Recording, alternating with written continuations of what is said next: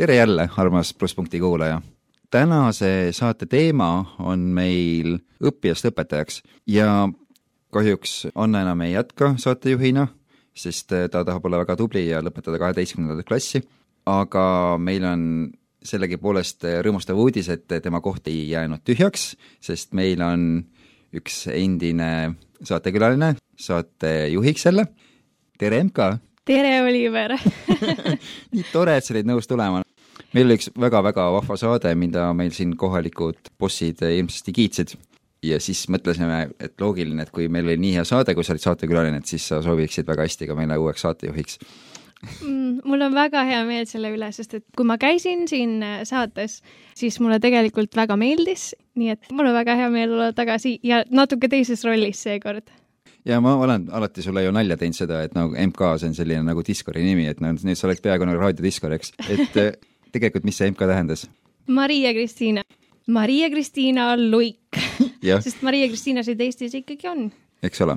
me mõtlesime sellist asja, et kui meil on mingid anded, siis me aeg-ajalt peame neid teistele jagama, neid teistele õpetama ja võib-olla iga algus on raske ja me ei tahtnud sellepärast rääkida just mingisuguse kogenud õpetajaga, vaid sellise noorega, kes just on hakanud väiksemaid või teisi noori õpetama. Ja sellepärast on meil täna külas Miikael Metsala, tere! tere, Oliver! tere, MK! tere, Miikael! sa oled üsna pikka aega olnud merega sina peal, et ja. pole vist ühtegi lauda, millega mere peal sa sõitnud ei oleks. võib-olla ühe äkki leiab, see võiks olla purjelaud ja seda pole siiamaani puutunud. aga kõik teised lauad nende sa oled ära sõitnud kõik? suht küll, jah. lainesurf, äh, skimboard, suppsurf, lohesurf. Nüüd viimati ma vaatasin, sul oli ka Insta postitus sellest, kuidas sa lohelauaga ringi sõitsid. ja, ja eks ma tasapisi õpin seda, et äh, tuleb neid uusi laudu lihtsalt hakata õppima ja siis kui need pikalt harjutatud, et siis saab teistele õpetada. mis on just selles surfamises nii äged, et sa tahad seda teha? mina tegelen rohkem lainesurfiga ja mulle see tunne, kui sa siis selle laine peale saad see on niisugune nii maagiline, et sa lihtsalt sõidad ja laine veab sind kaasa ja sa ei pea mitte midagi tegema põhimõtteliselt selle jaoks, et seal peal olla. see on niisugune hõljuv tunne minu jaoks natukene. ja mulle tekitab ka väga palju rõõmu see, kui ma saan seda teistega jagada, kui teised saavad sedasama rõõmu tunda, kui nad saavad midagi uut õppida. no kus üldse siin Eestis seda lainet püüda saab? Me oleme näinud võib-olla mingit Ameerika filmi, Baywatchi, seal on mingid uhked suured äh, ookeanilained, meil on niisugune pisikene järvekene Läänemeri siin, ainult äh, võib-olla kuskil Tallinna rannas, kui laev mööda sõidab, siis korraks. eks jah, enne koroonat oli üks põhispot äh, Tallinna sadama juures, kus siis sõideti laevalaineid, ehk siis kui mingi kiirlaev tuli Tallinnasse, siis kui ta jõudis siia lahte, siis ta pidurdas ja siis temast tekkinud laine tuli randa ja seda tihtipeale sõideti, aga praegused ühed kõige populaarsemad spotid lainesurfi jaoks Tallinnas on Paljassaares ja siis sõidetakse Väänõ-Jõesuu rannas. üks populaarne koht veel on eh, Ristna Hiiumaal ja Kalana. aga Miikael, kuidas sa üldse jõudsid lauasõiduni? kui vana sa olid, kui sa alustasid sellega? no kümneaastaselt alustasin. praegu ma olen seitseteist, seitse aastat tagasi käis mu isa supilauda proovimas Tallinna sadamas see ei tähenda niisugust äh, lauda, kust ainult suppi süüakse pealt, vaid see on niisugune täispuhutav laud. jah, ehk siis aerosurf. aga mul kohe tekkis küsimus, et kas see on loomulik, et on nii noori kümneaastaseid või pigem, mis keskmine vanuseklass võiks olla? Eesti mõttes, no lainelaudureid, merel üldse lapsi olen näinud ühte maksimaalselt, heal juhul kahte ja neid ka mingi üks kord aastas aga ülejäänud surfialad on ikka populaarsemad, ehk siis lohesurfis on jah, et alustavad juba isegi kümneaastaselt. ülemaailmselt võiks öelda jah, et äh, alustavad kas või titest juba osad. nii et siis sa otsustasid sel aastal seda olukorda parandada, et nii vähe neid lapsi on, harrastajaid, et läksid siis Hiiumaale ja hakkasid neid õpetama? jah, et suvel käisin töötamas Ranna surfikülas siis ja seal tegime surfilaagrid ja õpetasime erinevaid surfialaliike siis lastele. põhimõtteliselt see oli nagu sinu unistuste töö, sa said teha seda, mida sulle väga meeldib teha. jah, täpselt nii. mis teadmised ja oskused peaksid lisaks lauasõiduoskusele veel olema, et merel toime tulla? ma ei tea, kas sa pead eriti hästi ujuda oskama või, või peavad sul olema mingisugused elustamisoskused, juhuks kui midagi juhtub? enne seda, kui sa vette lähed, kindlasti peaks natuke õppima tundma seda kohta, kuhu sa lähed eriti kui läheb kiiresti sügavaks või on kuskil poolsaare tipus, et siis tuul siin minema ei puhuks ja nii edasi. kindlasti võiks osata keskmisest paremini ujuda, et juhul, kui tuleb kramp, siis sa ikka jääksid pinnale, kindlasti võiks tunda ka esmaabi, sest et äh, võib juhtuda, et äh, keegi vajab abi. ja nüüd on meil aeg kuulata meie esimest lugu. Miikael, mis sa meile sealt mere pealt kaasa võtsid? võtsin siis mere pealt kaasa loo Another in the fire Hillsong Unitedi poolt.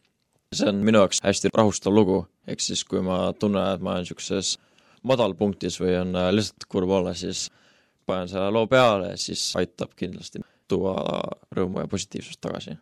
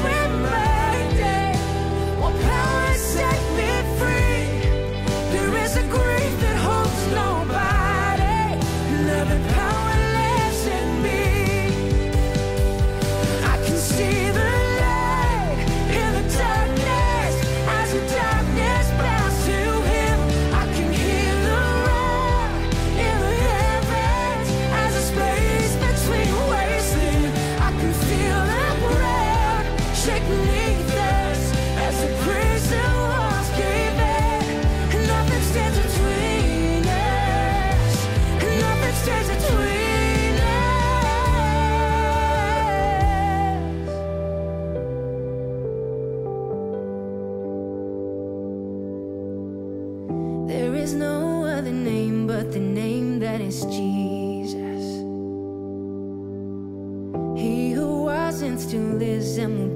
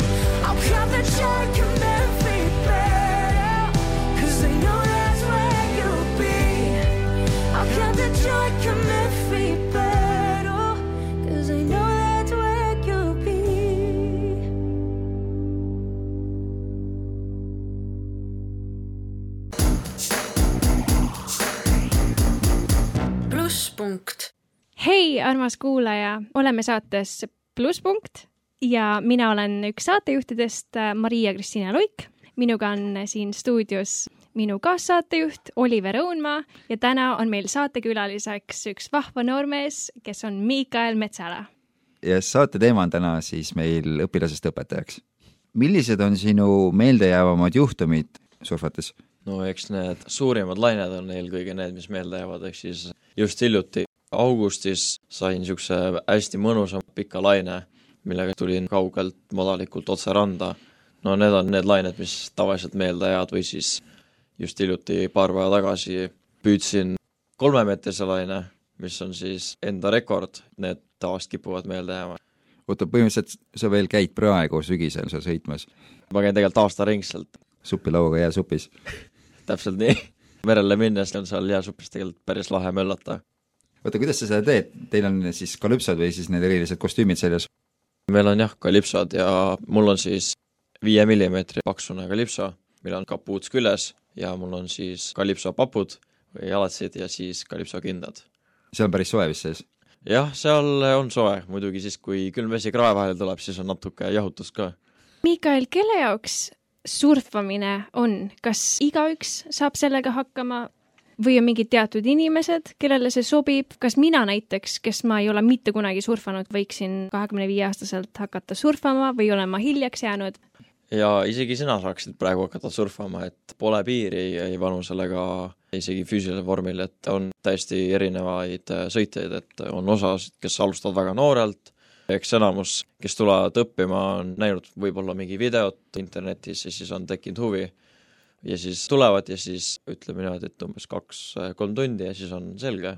aga kindlasti vajab palju harjutamist ja meeles hoidmist, et kui sa oled selgeks saanud, et siis kindlasti ei tohi ära unustada. nii et kas peale saadet läheme õppima kindlasti. ma mäletan ise seda, kuidas sa kuskil piiblitunnis piiblit õppisid ja olid alles ise selline õpilane ja sa oled koolis iga päev ju õpilane siiamaani, eks ole, kümnendas klassis käin hetkel Gustav Adolf gümnaasiumis, õpin sotsiaalia suunas ja ühiskonnaklassis. sa ütlesid, et koolis on sotsiaalala, et mis see tähendab? meil on hetkel sotsiaal- ja siis nii-öelda suunaga seostuvalt ainult üks aine ja see on kõne ja väitlus, kus me õpime kõne kirjutama, koostama ja väitlema. väitlusega saab argumente hakata võitma, nii et noh, see tuleb kasuks igal pool. Miikael, kas kunagi teeme väitlussaate ka kus me eetris hakkame väitlema? no mitte lähitulevikus, aga kaugtulevikus võib ikka proovida. aga sel suvel, nagu me enne ka rääkisime, sa hakkasid ise õpetajaks, sa hakkasid ise koolitajaks, et terve suvi läks selle peale, et sa õpetasid lastele seda, mida sa ise väga armastad, surfamist. kas see otsus tuli kergelt või sa kartsid ka midagi?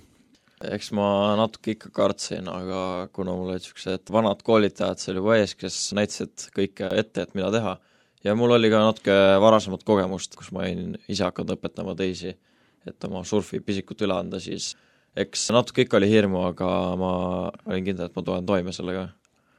kui vanad need lapsed sul olid, keda sa õpetasid? kaks laagrit oli laste- ja noortelaager, lapsed olid kümne kuni kolmeteistaastased ja noortelaagris olid siis neljateist kuni kaheksateistaastased kui raske neid õpetada oli sul?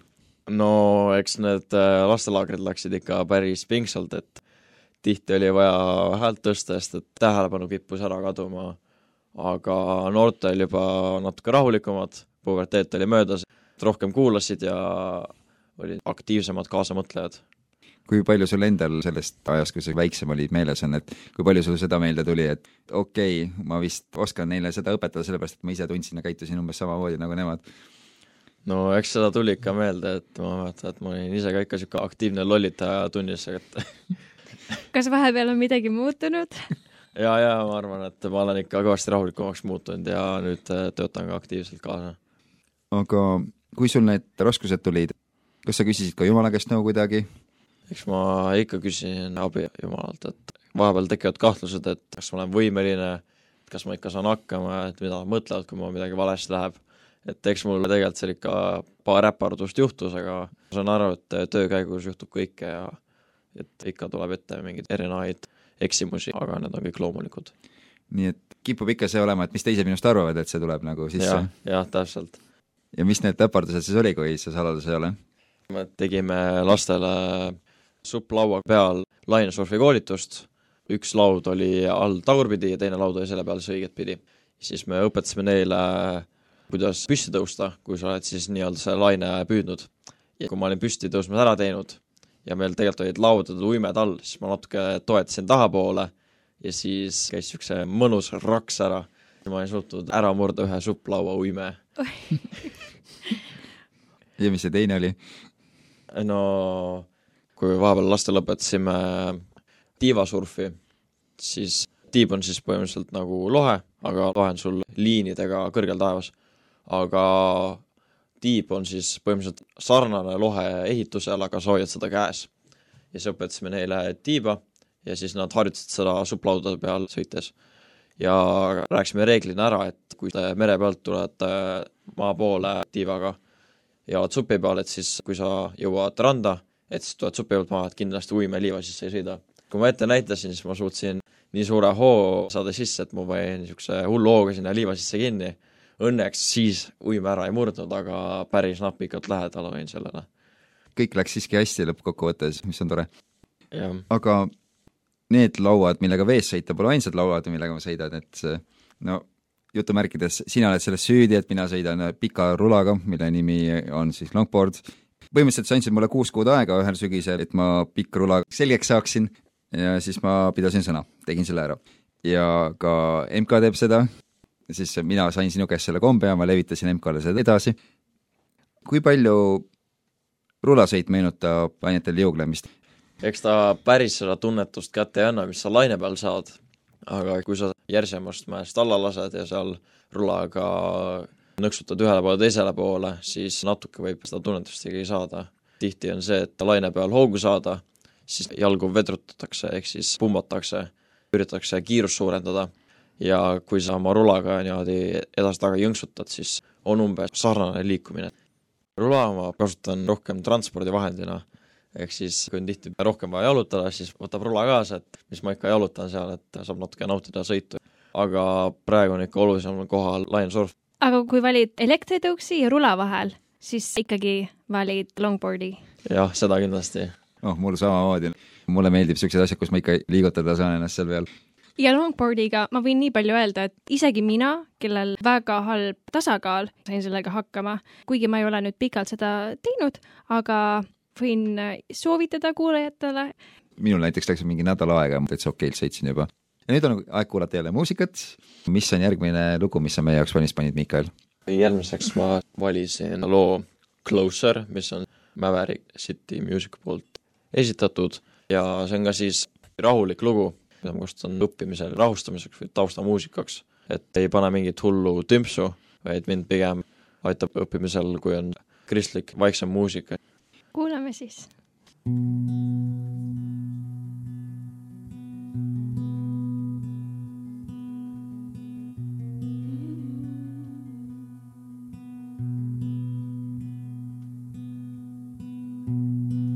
like the rushing wind.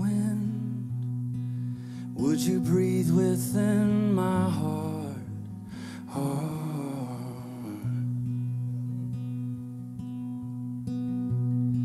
And through the raging storm, would you hold me in your arms?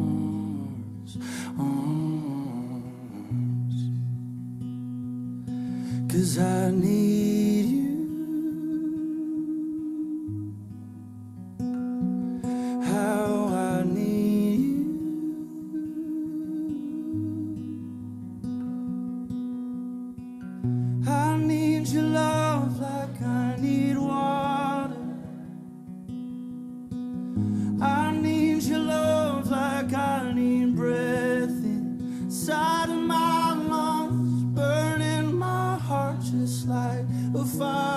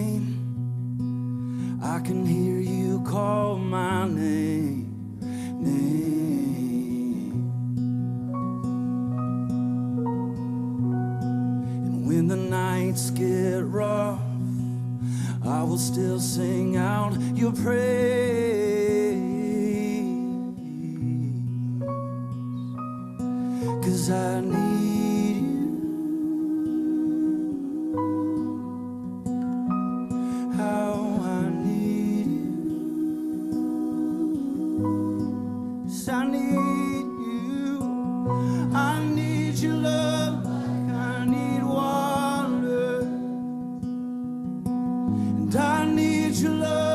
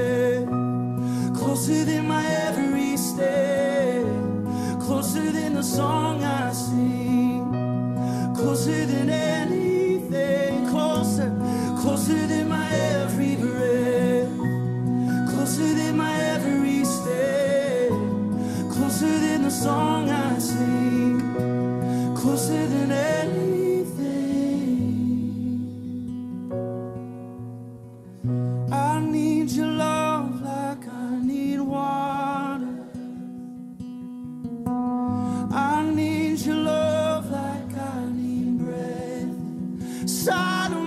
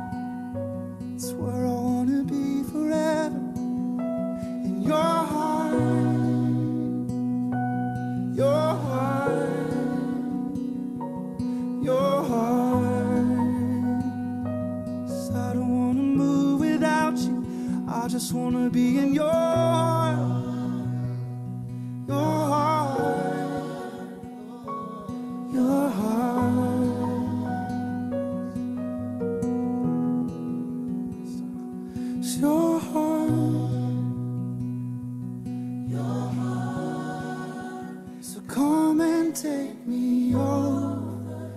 Jesus, draw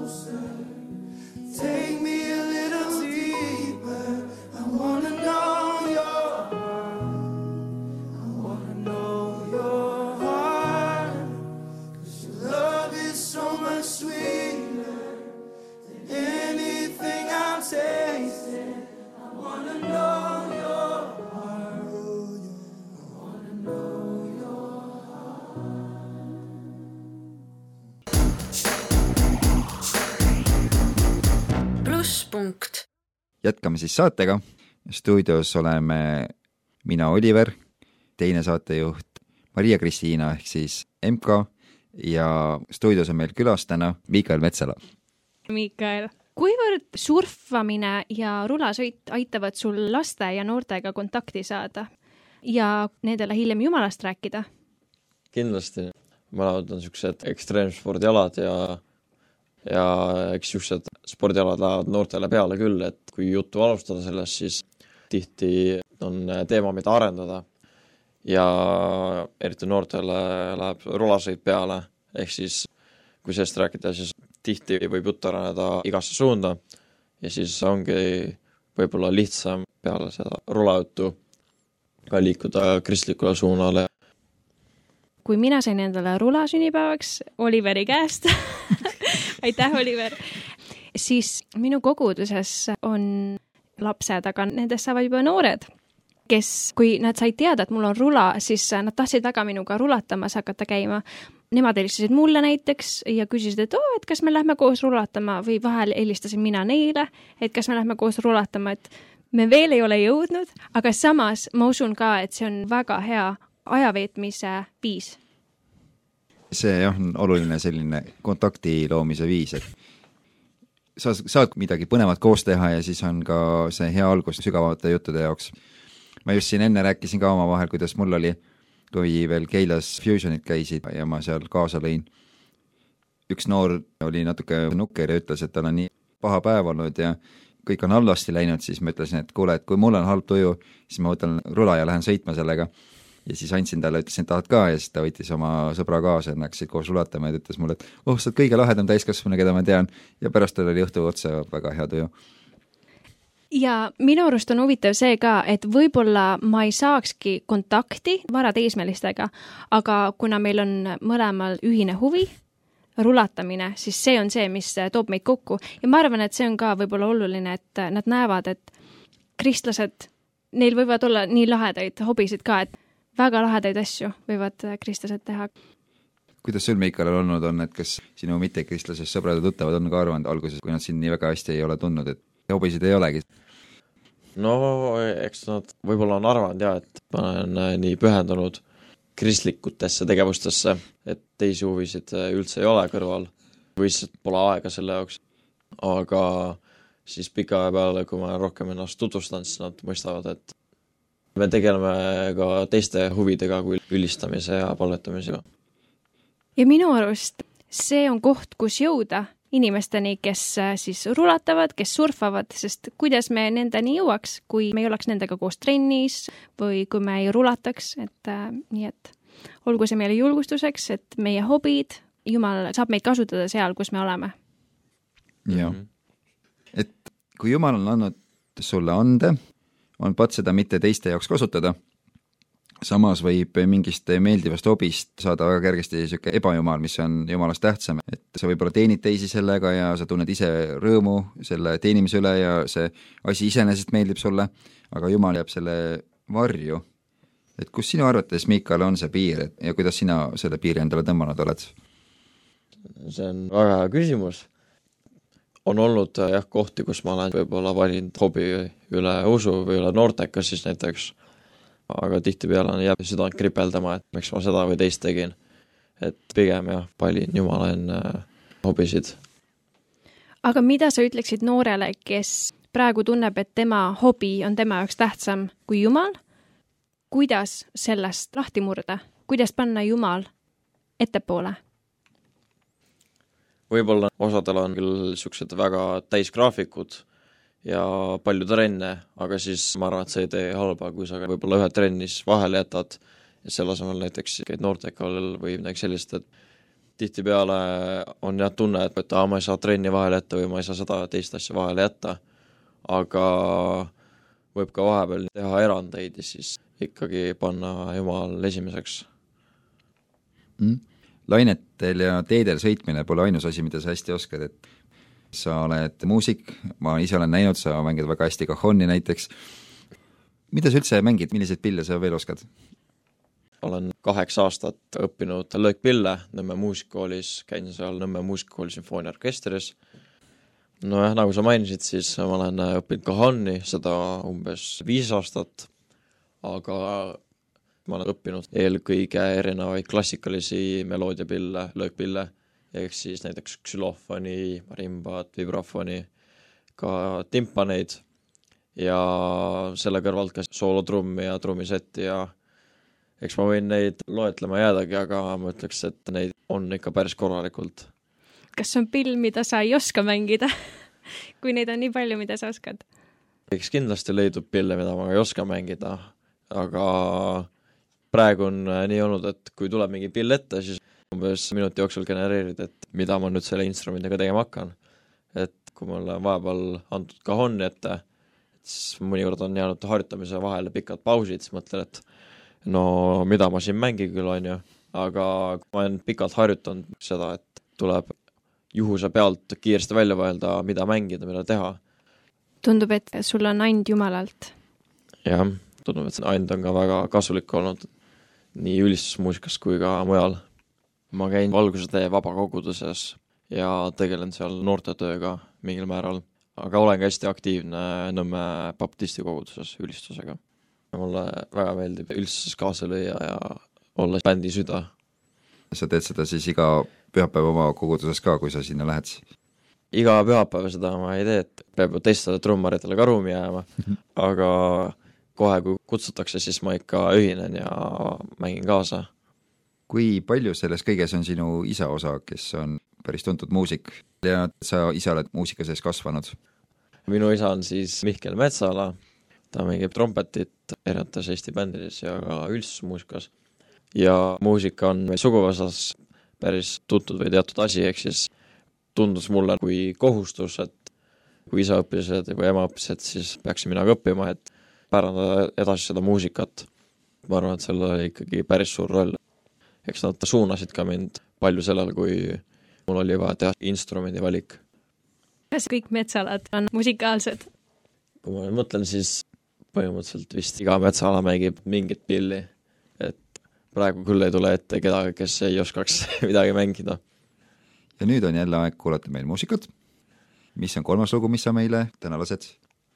Niisiis kolmandaks looks, mis ma täna valisin, on Tremble Mosaic Musicu poolt ja see on ka üks esimesi kristlikku lugusid, millega ma tutvusin, kui ma hakkasin kristlikku muusikat kuulama. et see on siis üks lugu esikolmikust, mida ma olen kuulanud juba aastaid ja aastaid.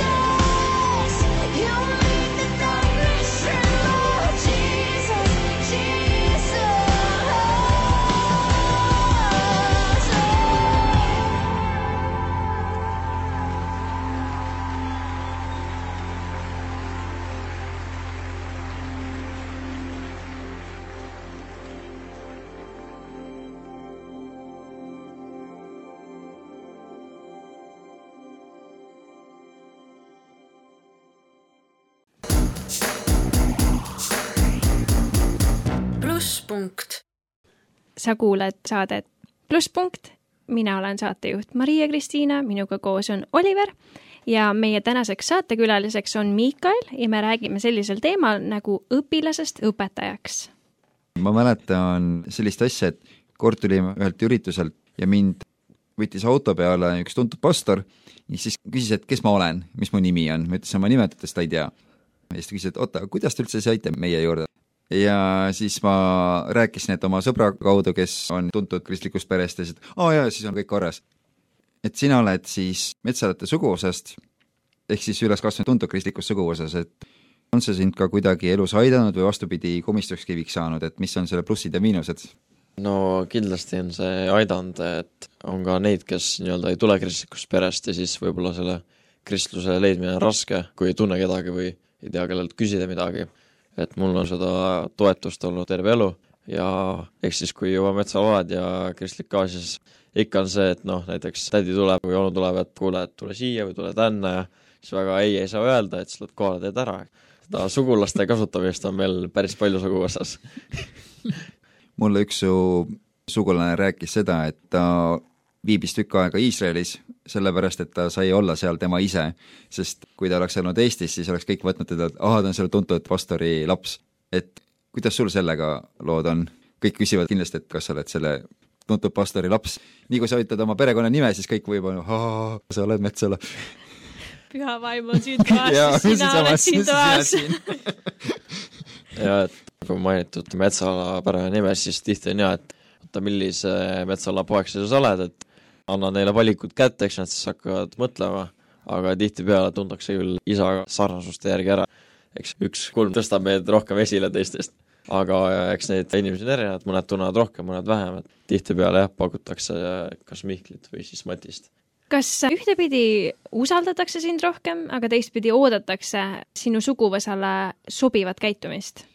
ma arvan, et jah, kindlasti oodatakse rohkem mõistmist või nagu et sa oled metsala, et kindlasti sa tead seda, teist ja kolmandat ja aga ma arvan, et eks need ootused alati ei ole ka nii kõrged, et on ka neid meie seas, kes võib-olla teavad vähem või midagi. kas see, et sa oled Metsala, teeb laisaks, et mul tuleb kõik kergemini kätte, või vastupidi, paneb pingutama, et siis suguvõsa mainet hoida?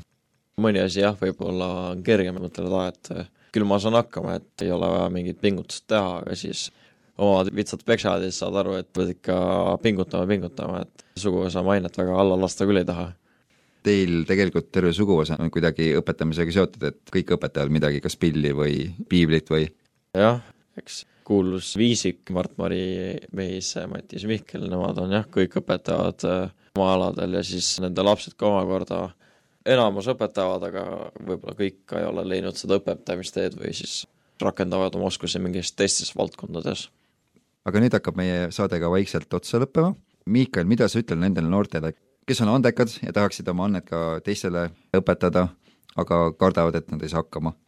kindlasti olla enesekindel, et, et õpetamisel tuleb kõigil vigu, et see on täiesti loomulik, et mul on endal ka olnud neid, nagu enne rääkisin, tavaliselt on juba keegi, kes on seda varem õpetanud, nii et sa saad kindlasti nõu küsida või abi küsida, kui tekib raskusi millegi osas, et kindlasti ärge kartke, ärge jääge siis hirmu varju mõtlema, et aa, ma ei saa hakkama. Kõik oled võimelised selleks, mida te soovite teha. kindlasti sul on alati, kellele toetuda, ehk siis äh, Jumal alati toetab ja hoiab sind võid palvetada ja nõu küsida mm. -hmm. ja julgustust. aga aitäh, Miikael, et sa saatesse tulid, oli väga tore, meil väga lõbus, saime siin vahepeal omavahel päris palju naerda.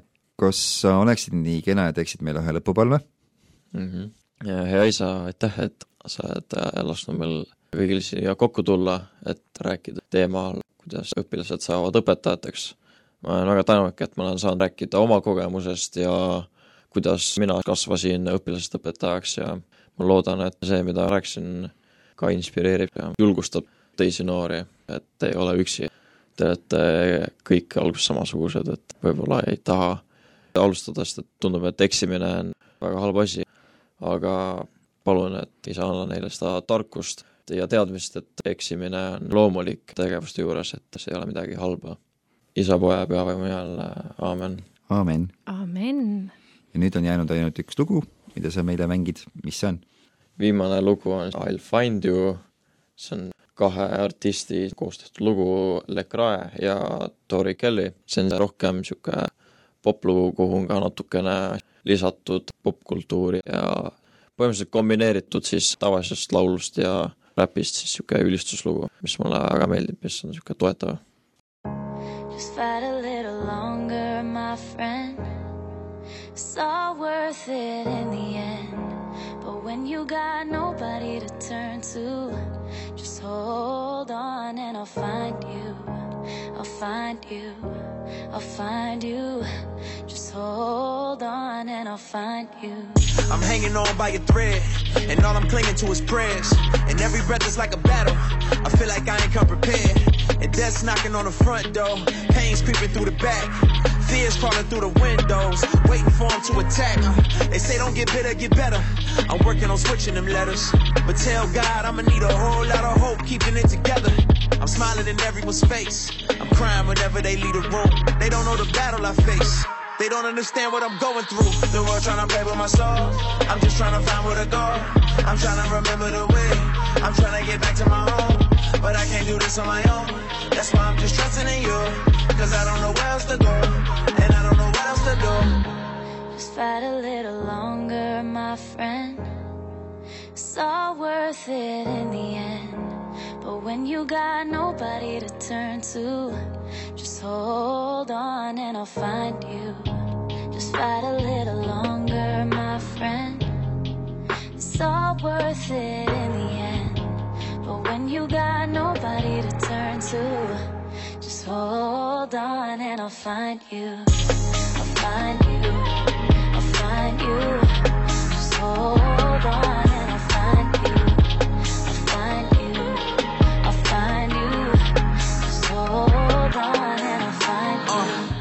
say fear haunts you, and pain hates. I say pain strengthens, and fear drives faith. And I don't know all of the outcomes, don't know what happens tomorrow. But when that ocean of doubt comes, don't let me drown in my sorrow, and don't let me stay at the bottom. I feel like this hole is too deep to climb. I've been looking for a way out, but I settle for a peace of mind. Picking up the pieces of my life and hoping that I put together something right. Tell me all I got is all I need. Tell me you gon' help me stay and fight. The world tryna play with my soul. I'm just tryna find where to go. I'm tryna remember the way. I'm tryna get back to my home. But I can't do this on my own. That's why I'm just trusting in you. Cause I don't know where else to go. And I don't know what else to do. No, don't let the fear make you feel